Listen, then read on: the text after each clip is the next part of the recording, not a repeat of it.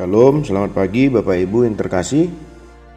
Renungan kita pagi hari ini di penghujung minggu kita tertulis di dalam kitab Ibrani pasal 10 ayat 24. Dan marilah kita saling memperhatikan supaya kita saling mendorong dalam kasih dan dalam pekerjaan baik.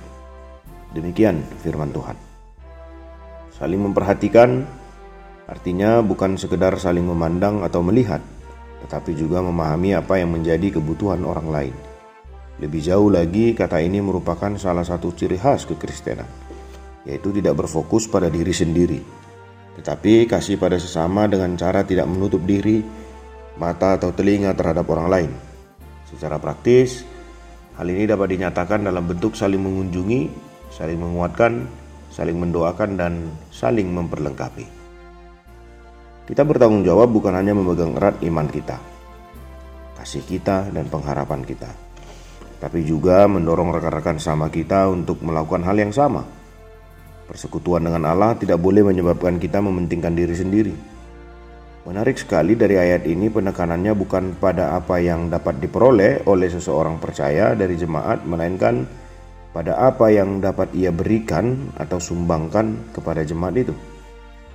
Kekristenan yang mementingkan diri sendiri berlawanan dengan hakikat Kristen itu sendiri.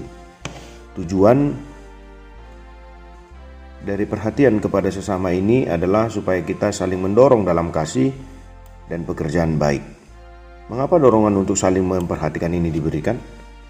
Sebab ada tanda-tanda bahwa orang-orang Kristen Ibrani ini lemah dalam ikatan sesama mereka.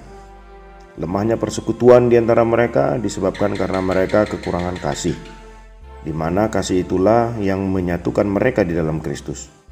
Dan karena kekurangan kasih ini, mereka gagal dalam melakukan pekerjaan baik, sebab pekerjaan baik merupakan ekspresi dari kasih itu sendiri.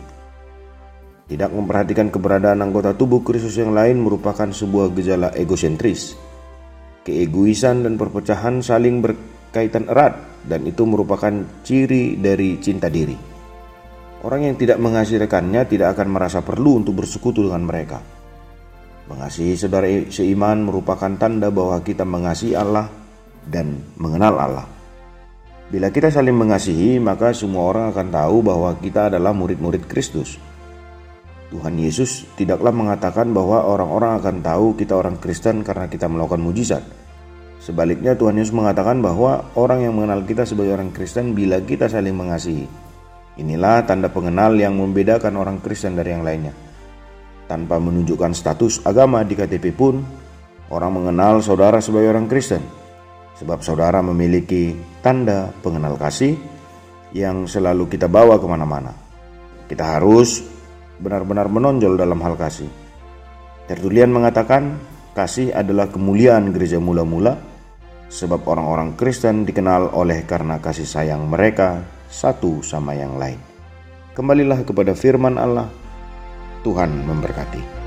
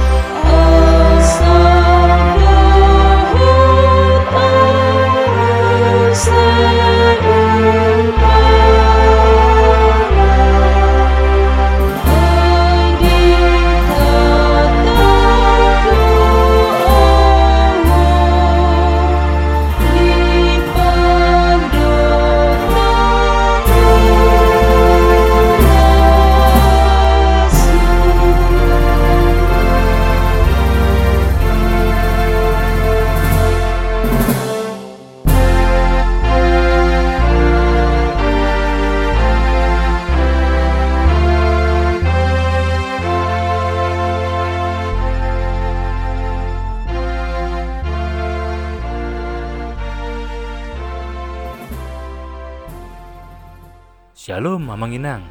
Terima kasih sudah mengawali hari dengan mendengarkan renungan hari ini. Yuk bagikan renungan harian ini kepada keluarga kita sehingga firman Tuhan itu tidak kembali sia-sia, namun berbuah dan terpelihara. Tuhan Yesus memberkati.